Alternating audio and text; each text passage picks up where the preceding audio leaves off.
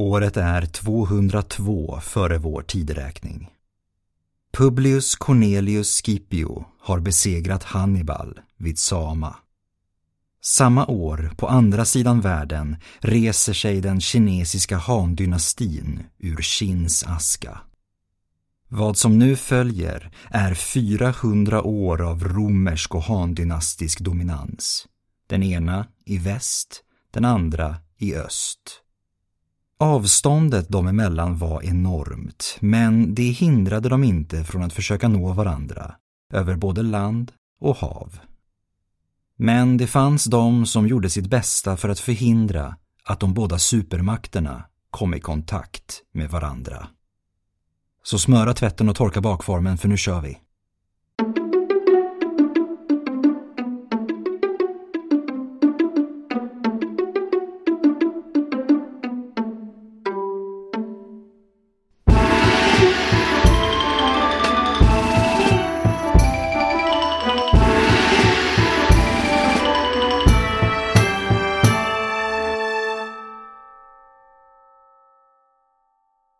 Hej och välkomna till Podius Castus, en podd om antiken.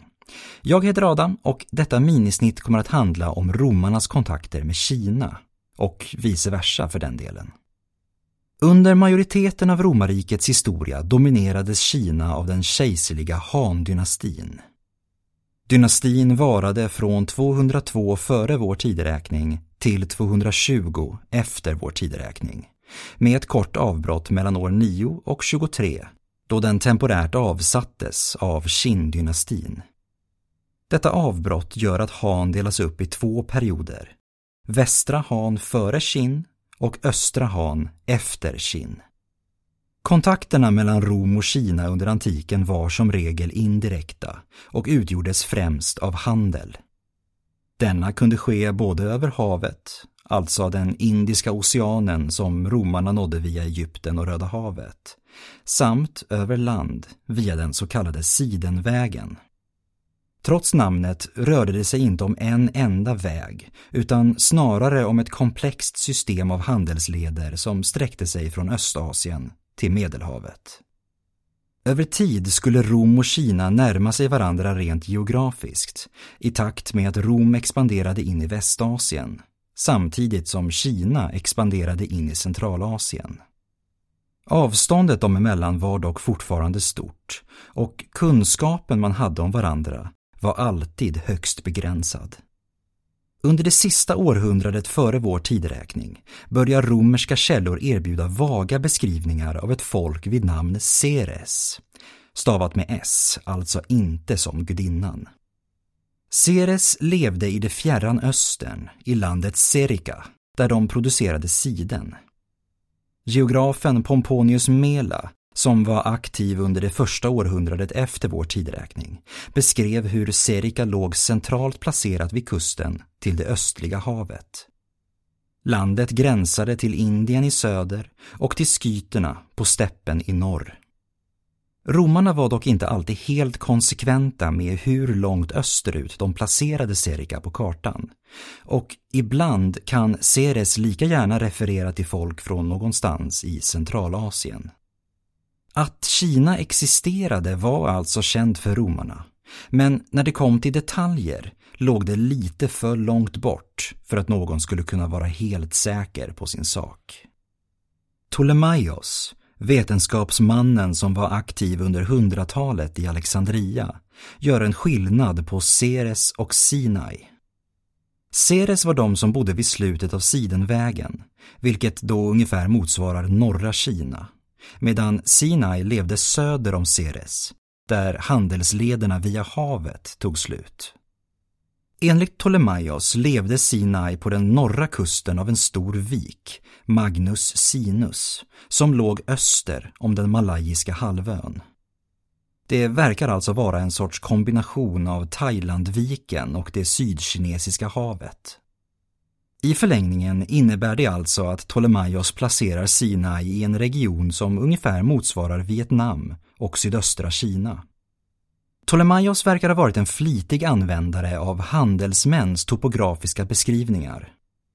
Detta var inte alls en självklarhet bland de antika geograferna och bland annat Strabon och Plinius den äldre verkar ha hyst vissa fördomar mot de så att säga simpla handelsmännen. En av Ptolemaios källor var seglaren Alexandros som beskrev hur man tog sig till Kategara en hamnstad någonstans vid Mekongdeltat i södra Vietnam. Namnet Kattegara härstammar troligtvis från sanskrit och betyder ursprungligen någonting i stil med berömd eller stark stad. Alexandros beskrev hur den främsta knutpunkten för romerska handelsmän var en burmesisk stad vid namn Tamala på den nordvästra malajiska halvön. Härifrån färdades indiska handelsmän över land för att nå Thailandviken. Enligt Alexandros tog det 20 dagar att segla från Tamala till hamnen Sabia i södra Vietnam. Härifrån kunde man fortsätta längs kusten ett par dagar och sedan nå Kattegara. I modern forskning har man vanligtvis tolkat detta som den arkeologiska platsen Okeo i södra Vietnam, där man bland annat hittat imitationer av romerska mynt. Alexandros detaljerade redogörelse visar att handelsmän från den romerska världen var i kontakt med folken i Sydostasien och norrut mot Kina. Detaljerad geografisk information om romarriket, eller åtminstone dess östra territorier, återges å sin sida i den forntida kinesiska historiografin. I Kina var romarriket känt som Daxin, Stora Kina, men kunskapen om Rom verkar främst vara begränsad till Syrien och Egypten. Kinesiska geografer såg Daxin som en sorts motvikt till Kina, beläget på den motsatta sidan av världen i ett sorts yin och yang-förhållande. Ur Kinas perspektiv var romarriket ett avlägset och nästintill mystiskt land. I det historiska verket Wei Lue, en kort historia om Wei, som skrevs under mitten av 200-talet efter vår tideräkning, beskrivs delar av det östra romarriket. Verket omnämner Medelhavet och beskriver Egypten, inklusive var Alexandria låg och hur lång tid det tog att färdas längs Nilen. Verket listar även vad författaren ansåg vara de viktigaste lydstaterna till romarriket, med resebeskrivningar och uppskattningar av avstånd dem emellan.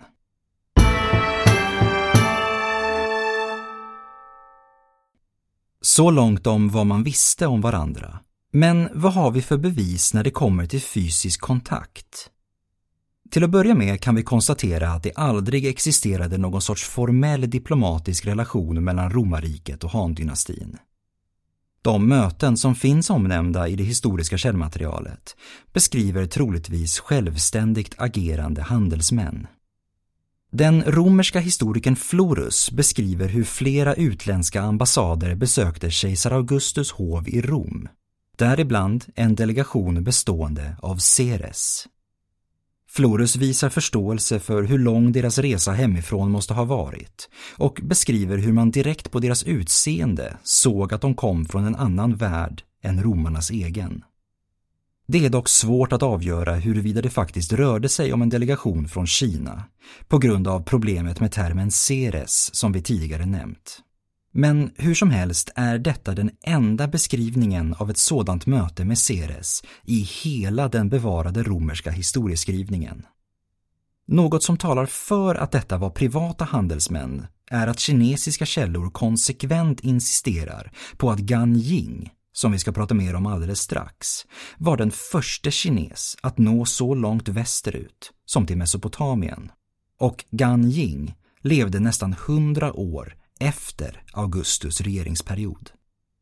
Det finns en passage i en romersk periplos, alltså en reseskildring från första århundradet efter vår tideräkning, att folket från Sinai sällan syntes till eftersom deras land låg väldigt långt borta. Källan beskriver vidare hur deras land var källan för siden som de handlade med över landväga handelsleder. Till skillnad från Ptolemaios har vi här alltså en sammansmältning av Sinai och Ceres. Hangeneralen Ban Shao, som levde under det första århundradet efter vår tideräkning, förde befäl i Tarimbäckenet i Xinjiang i de västligaste delarna av det territorium som kontrollerades av Han-dynastin. År 97 sände Ban Shao en diplomat för att utforska det fjärran västern. Hans namn var Gan Ying och hans mål var Dashin, romarriket.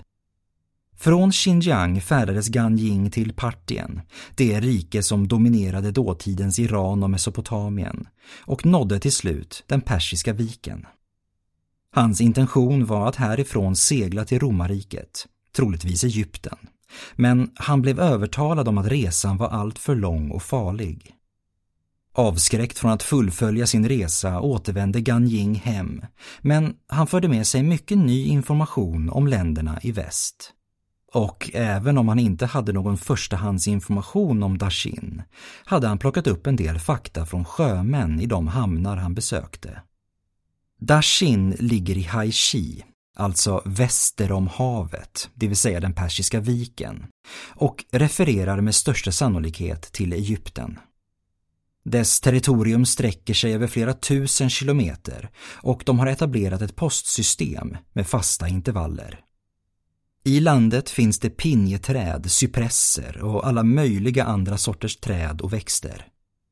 Det finns fler än 400 befästa städer i ett tiotal mindre kungadömen och städernas murar är av sten. Vidare får vi en något förvrängd bild av det romerska styret. Deras kungar är inte permanenta härskare utan de utnämner män efter merit. När en allvarlig farsot drabbat landet avsätter de kungen och ersätter honom med någon annan. Den som blivit avsatt stiger ner utan att klaga. Gan Ying beskriver också landets invånare som långa och välproportionerliga, att de är ungefär som kineserna och att de därför fått namnet Dashin. Deras land producerar rikligt med guld och silver och de har alla möjliga sorters rikedomar som de inhämtar från länderna i närheten.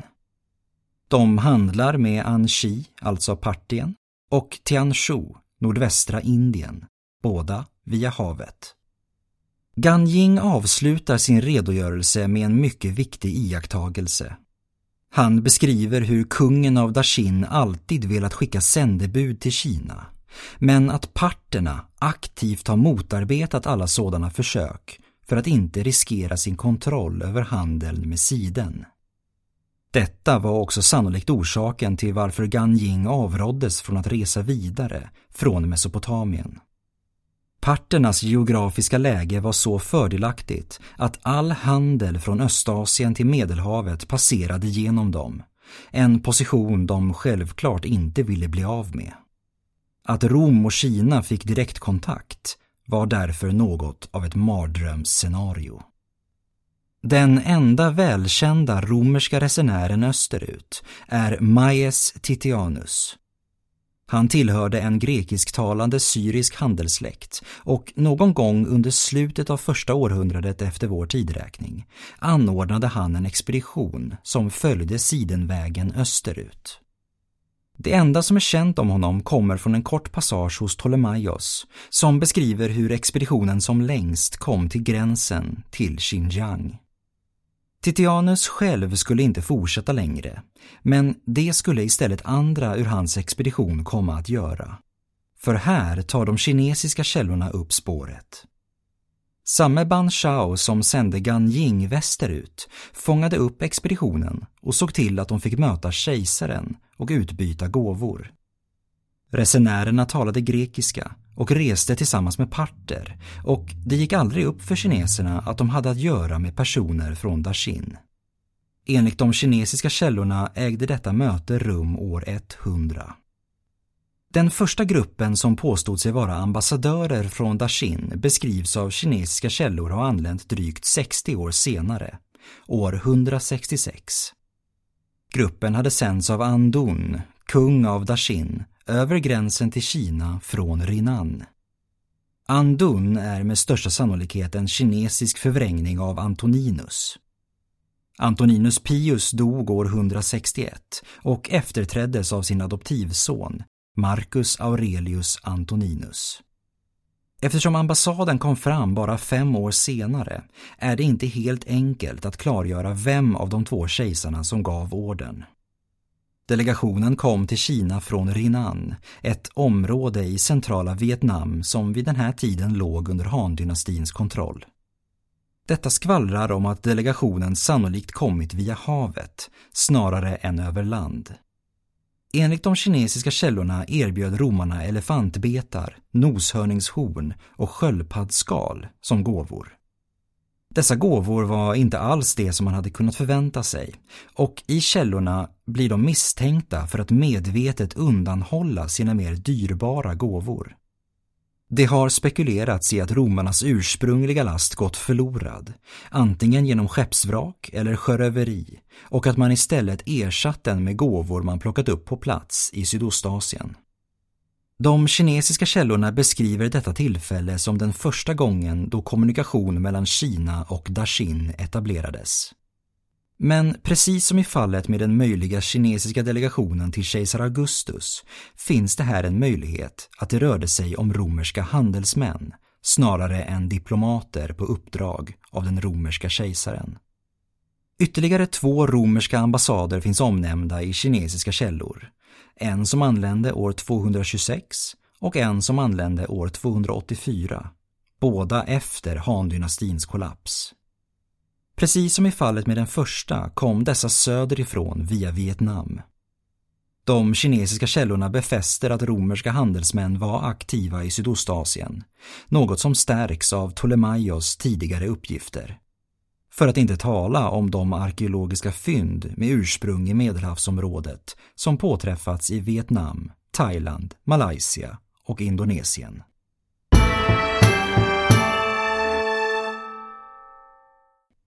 Vad var det då som man var så intresserade av?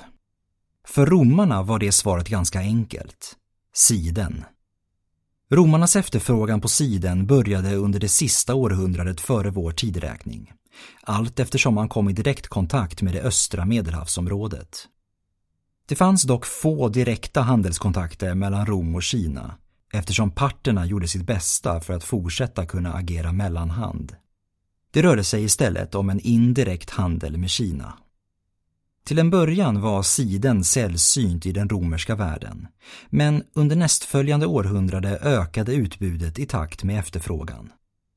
Det var en så pass eftertraktad vara att Plinius den äldre beklagade sig över de enorma summor pengar som romarna spenderade på lyxvaror från östern. Därtill fanns det de som ansåg detta nya mode smått dekadent, däribland Seneca den äldre, som anmärkte på att det tunna sidenet inte lämnade särskilt mycket åt fantasin. Om romarna ville åt kinesiskt siden så ville kineserna åt romerskt glas. Högkvalitativt glas från romerska tillverkare i Egypten och Syrien exporterades till stora delar av Asien. Det äldsta romerska glaset som hittats i Kina är en skål från det sista århundradet före vår tideräkning som upptäcktes i en handynastisk grav i Guangzhou. Romerskt glas har även hittats ännu längre österut, i Japan och Korea.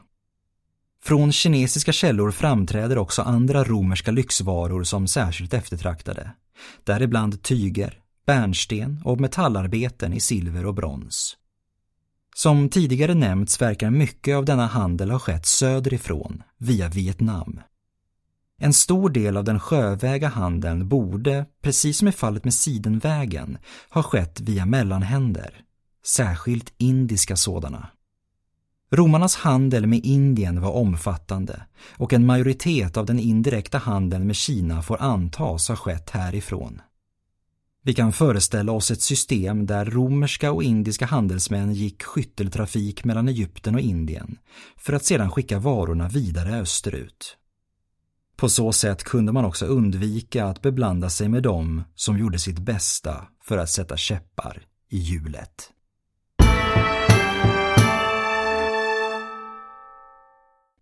Jag heter Adam och ni har lyssnat på Podius Castus, en podd om antiken.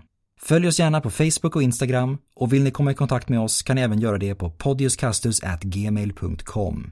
Tack för mig och på återhörande.